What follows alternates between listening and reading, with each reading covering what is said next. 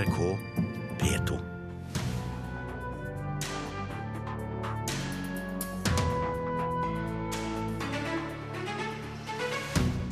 Kulturministerens tro på privat sponsing er som å tro på julenissen, mener festivalleder. At artister gir ut musikk på norsk er en trend som vil vare, tror musikkjenner. Og ny doktoravhandling avslører hvem som er den nye Twitter-eliten. Du hører på Kulturnytt, jeg heter Stine Tråholt.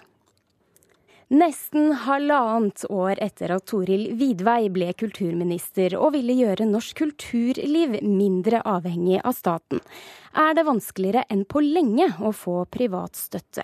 Det opplyser en rekke store og små kulturinstitusjoner til Kulturnytt. Å tro på økt privat sponsing er som å tro på julenissen, mener festivalleder i Bergen internasjonale filmfestival, Tor Fosse. Selv om Norge har fått en blå regjering, så betyr ikke det at det er automatikk i at vi får amerikanske tilstander hvor næringslivet sponser kultursektoren. Jeg tror det er et stort potensial der ute. Sa en fersk kulturminister til NRK i oktober 2013, og budskapet er nærmest blitt et vidvei-mantra. Private investorer åpner for privat kapital. Mer privat kapital. Privat kapital høres bra ut i festtaler, men har vist seg å være vanskelig å få inn i kulturlivet, ifølge festivalleder i BIF, Tor Foss. Fosse. Vi tvangsfòres med sport daglig i alle kanaler, eh, mens, eh, mens kulturlivet da eh, lider over at vi blir oversett. Fosse tror kulturministeren må ha glemt at dette konkurrerer med dette. Har han farten på oppløpet fortsatt, borte? Og da er det lett å komme i andre rekke. Oi, oi, oi. Men denne holdninga i kulturlivet må endres, sier kulturminister Toril Vidvei. I et intervju gjort i en heis på en travel dag maner statsråden til tålmodighet. For det første så har jeg lyst til å si at jeg har forståelse for, etter åtte år med en regjering som da eh, mener at eh, man ikke har hatt behov for å eh, få utløst mer privatkapital, så er det klart at det er ikke så enkelt at man tror man finner løsninger på dette over natta. Så jeg har tålmodighet med institusjonene at det vil ta tid. For innimellom heiskjøringa går Vidvei bl.a. i middagsmøter for å få næringslivet til å se potensialet i norsk kultur. Jeg har hatt flere middager med eh, store grupper av eh, både bedrifter, eh, stiftelsene, enkeltpersoner som er interessert i å være med og bidra. Likevel er det vanskeligere enn på lenge å få spons, forteller titalls kulturinstitusjoner Kulturnytt har snakka med innen teater, film, musikk og festival. Tall fra Sponsor Insight viser at kultursektoren er den eneste som har opplevd stagnasjon i sponsorinntektene i perioden 2010 til 2013. NRKs undersøkelser viser også at antallet teaterbilletter solgt til sponsorer har falt med nesten 25% de siste åra. Vi er blitt nødt til å finne andre, mer kreative måter å få spons på, sier kommunikasjonssjef Ida Margreta Halvorsen ved Nationaltheatret. Så er det veldig skreddersøm, der vi må i mye større grad møte en reell dialog med den enkelte næringslivsaktør, og det skulle jo egentlig bare mangle. Vi ser nok at de tradisjonelle sponsoravtalene der vi får penger for motytelser av en arrangement eller noen billetter, det er på vei ut. For å konkurrere med dette Har han farten må man altså være mer kreativ og fortelle sponsoren hva selskapet har å tjene på et samarbeid. For det er ingen som gir bare for å gi lenger, sier sponsorekspert Jakob Lund. Svært ofte så er kulturlivet for dårlig forberedt når de går i forhandlinger eller går i møte med med næringslivet. Marketingavdelingene i de store norske lokomotivene de skal ha payback. De skal kunne regne hjem et sponsorat. Et mer innovativt samarbeid enn bare det å gå og hente 50 billetter på Vipps-scenen til åpningskonsert. Ja, Det sa leder av Sponsorkonsult AS, Jakob Lund, til reporter Torkel Thorsvik. Kulturkommentator Agnes Moxnes, har Toril Vidvei hatt for stor tro på privat finansiering av kulturen? Jeg tror hun har litt for stor tro på at eh, det politiske feltet hun eh, leder, nemlig idrett, frivillighet og kultur, at eh, de reagerer likt. Eller for å si det sånn, at næringslivet reagerer likt på dem. Men det er altså enorm forskjell, som vi hørte her, mellom det å gå, komme i mål med en premiere på et Jon Fosse-stykke, og det å få en skiløper i mål aller først, ikledd masse reklameeffekter, og blir tatt bilde av, som da blir kringkastet til nett og, og, og TV og, og, alle medier. Altså det er ikke noe sutring fra kulturlivet, dette her? Det er jo riktig som Jakob Lund eh, sier her, og som vi har hørt han si før også, at dette er et område som kulturlivet sliter med. Det virker som de ikke liksom riktig har funnet uh, formelen. Samtidig så er det en kjempekrevende øvelse å utvikle sponsorater. Og det denne reportasjen viser, det er jo at, at næringslivet vil ha noe helt annet tilbake nå enn de ønsket bare for noen få år siden. Da kunne de ta imot eh, fribilletter og være fornøyd med det. Nå vil de ha spesialsydde og spesialtilpassede eh, opplegg på teatret og i konsertsaler. Og norsk kulturliv er jo ikke så stort, så på et eller annet tidspunkt så vil antageligvis vinninga gå opp i spinninga her. Eh, Toril Vidvei sier at hun bruker tid på å gå i middagsdialog. Er dette en riktig bruk av tid? Altså det er jo sånn at Toril Vidvei kjenner næringslivet rent eh, privat. Hun har det, for å si det sånn, et, et eh, rikt nettverk som hun er fortrolig med. Og hun har jo også gjennom det sikret seg veldig gode navn til babyen sin, altså det som heter Talent Norge, med Trond Moen og, og Jon G. Bernander. Men eh, det vil nok være feil satsing å basere, på, basere kulturpolitikken sin på eh, egne, sitt eget nettverk. Og de nettverkene man har, det sikrer ikke en god fremtidig kulturpolitikk. Kort til slutt, eh, vil Vidvei klare i løpet av sin periode å få opp privatsponsing? Det er mange som tviler på det. Altså, det kulturlivet har holdt på siden alfa siden 80-tallet og jobbe med, med, å få inn sponsorinntekter. Men hun jobber med forskjellige ordninger, og jeg tror ikke hun har tenkt å gi seg. at rent ideologisk så er det viktig for Toril Vidvei å, å få til resultater på dette området. Takk skal du ha, kulturkommentator Agnes Moxnes. Twitter blir ofte beskrevet som en plattform for de små, en plattform for elitene. Men en ny avhandling i statsvitenskap bidrar til å nyansere dette inntrykket. Hjertelig velkommen til Trygdekontoret sosiale medier spesial.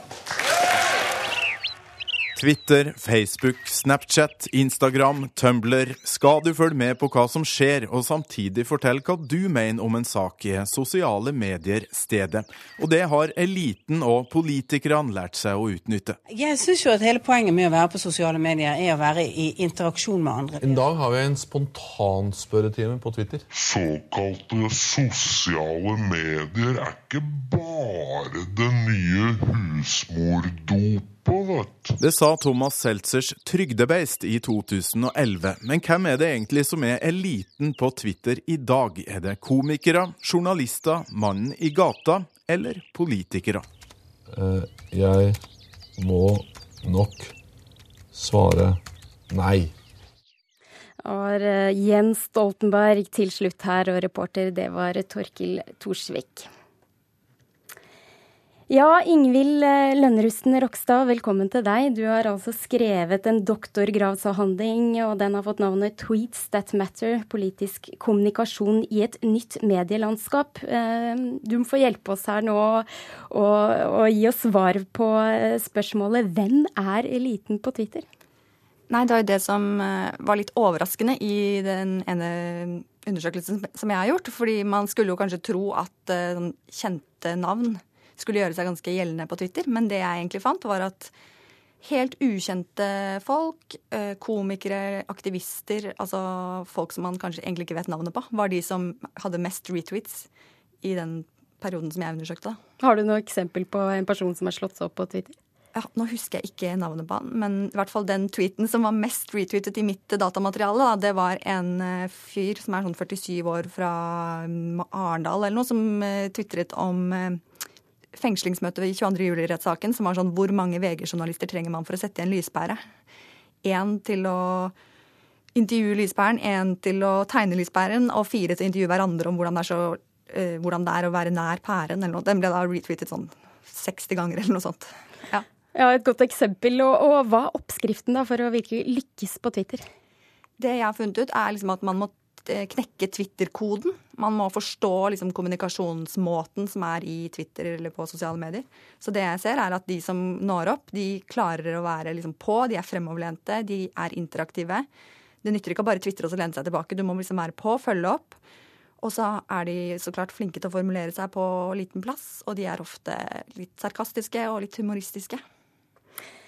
Eh, vi hørte i reportasjen at eh, norske politikere bruker mye tid på eh, sosiale medier. Er det verdt det for dem? Ja, det vil jeg absolutt si, fordi det ville sett veldig dårlig ut hvis de ikke var i sosiale medier. Og så vet man jo ikke helt liksom, hvordan den direkte effekten av det blir. Men veldig ofte så f.eks. plukker jo dere i tradisjonelle medier opp ting som politikere tvitrer eller skriver på Facebook, så det genererer absolutt oppmerksomhet. Ja, Hvor viktig eh, er sosiale medier som en nyhetsleverandør i dag? Det er veldig viktig i kombinasjon med andre nyhetsplattformer. For det er jo det vi ser i dag, at eh, liksom, medielandskapet smelter sammen. Da, og at alle kanalene virker sammen. Så tradisjonelle medier bruker sosiale medier, og eh, saker fra tradisjonelle medier blir spredd i sosiale medier. Så det, alt sammen virker sammen. Men jeg finner ikke at sosiale medier på en måte setter dagsorden i så veldig stor grad. Det er veldig mye eh, nyheter fra tradisjonelle medier som blir pratet om og diskutert. Men i, en, altså av og til setter også sosiale medier dagsorden. Vi sier ofte at Facebook er for den store massen og Twitter er på, for eliten. Er det også din eh, oppfatning? Ja, det er ikke hvem som helst som klarer å nå opp på Twitter. Det er det ikke. Flott. Eh, takk skal du ha, Ingrid Lønnerusten Rangstad. På torsdag så skal du forsvare avhandlingen din. Eh, lykke til.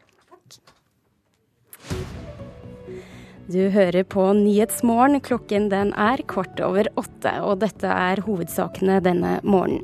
Hver fjerde kvinne har kjent seg utrygg i drosje. Flere enn tidligere tror at boligprisene kommer til å falle. Statoil snur og varsler full åpenhet om hvem som eier aksjer i selskapet.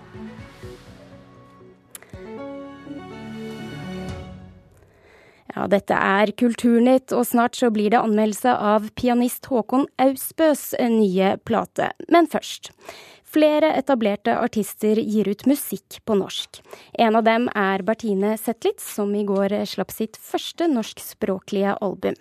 Plateselskapsdirektør Jørn Dahlshow tror at artister vil følge etter. I denne låta, som jeg på en måte ikke visste at jeg hadde på lager å kunne bruke, så jeg er glad for det. At her kommer de på norsk. Sett at vi sier det sånn Bertine Zetlitz sitter bak et piano og spiller sanger fra sitt helt ferske album Tikamp. Hun har laget elektronisk pop i snart 20 år, men dette er første gang hun gir ut plate på norsk. Jeg var litt lei av å skrive på engelsk, rett og slett. Eh, jeg hadde lyst til å gi meg selv en ny utfordring. Jeg har skrevet på norsk før. Da jeg gikk på skolen, så jeg, da skrev jeg masse norsk. Så mye av mine venner har sagt til meg at det er så hyggelig å høre deg på norsk igjen.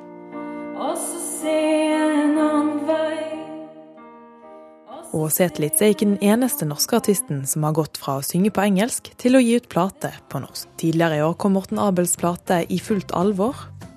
Hun sa ingenting om at jeg var konge, men det burde være lett å se Og Tone Dameli ga før jul ut juleplate på dialekt.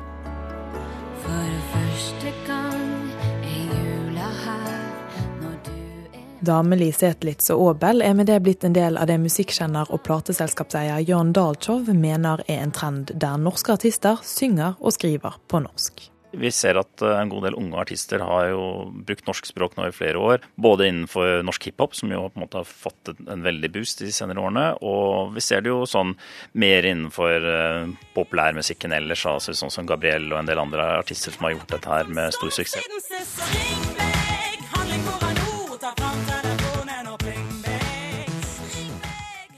Og Daltov tror norskbølgen vil fortsette. Én ting er at de unge artistene har brøytet veien, men også kan det være at nå Bertine og Morten Abel er også med å åpne dørene for flere innenfor sin generasjon, de som er i, hva skal vi si, artister i 30-40-årene. Altså Den generasjonen der, som er mellom visesangergenerasjonen som nå nærmer seg 70, og, og, de aller yngste. Og at de også nå kan synge på norsk, og, og utvikle det da, mot publikummet. En av dem som gleder seg over utviklingen, er visesanger Ole Paus. Han mener at artister har mye å tjene på å synge på norsk. Det er et veldig fint språk som ligger der og venter på dem. Hvis de tar bryet med å jobbe med saken og begynner å kjenne etter hva de egentlig ønsker å fortelle, så er det mye lettere både å være følsom og modig og, og rå og øm og kjærlig og alt innenfor det språket som er en del av ditt eget hjerte. Der havet stryker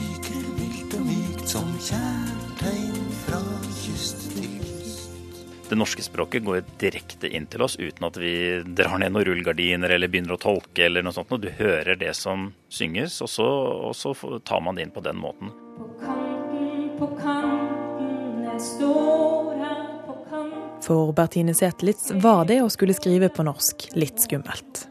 Ja, fy søren. Det er jo det er jo nowhere to hide, altså, for å si det på et ikke-norsk språk.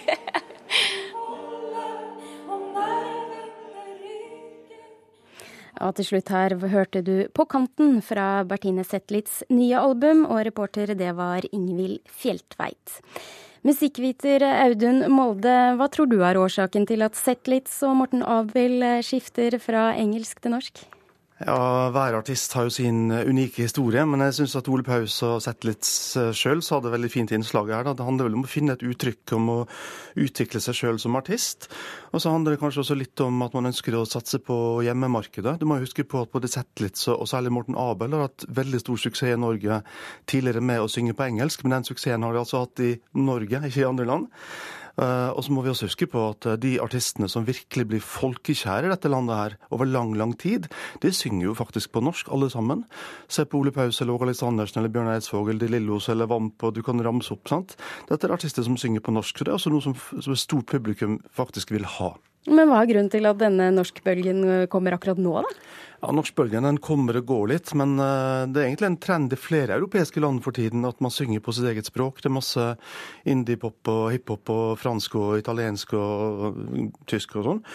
Så det kan være en, en, trend, en internasjonal trend, faktisk. Og her i Norge så har jo hiphop vært veldig viktig, da.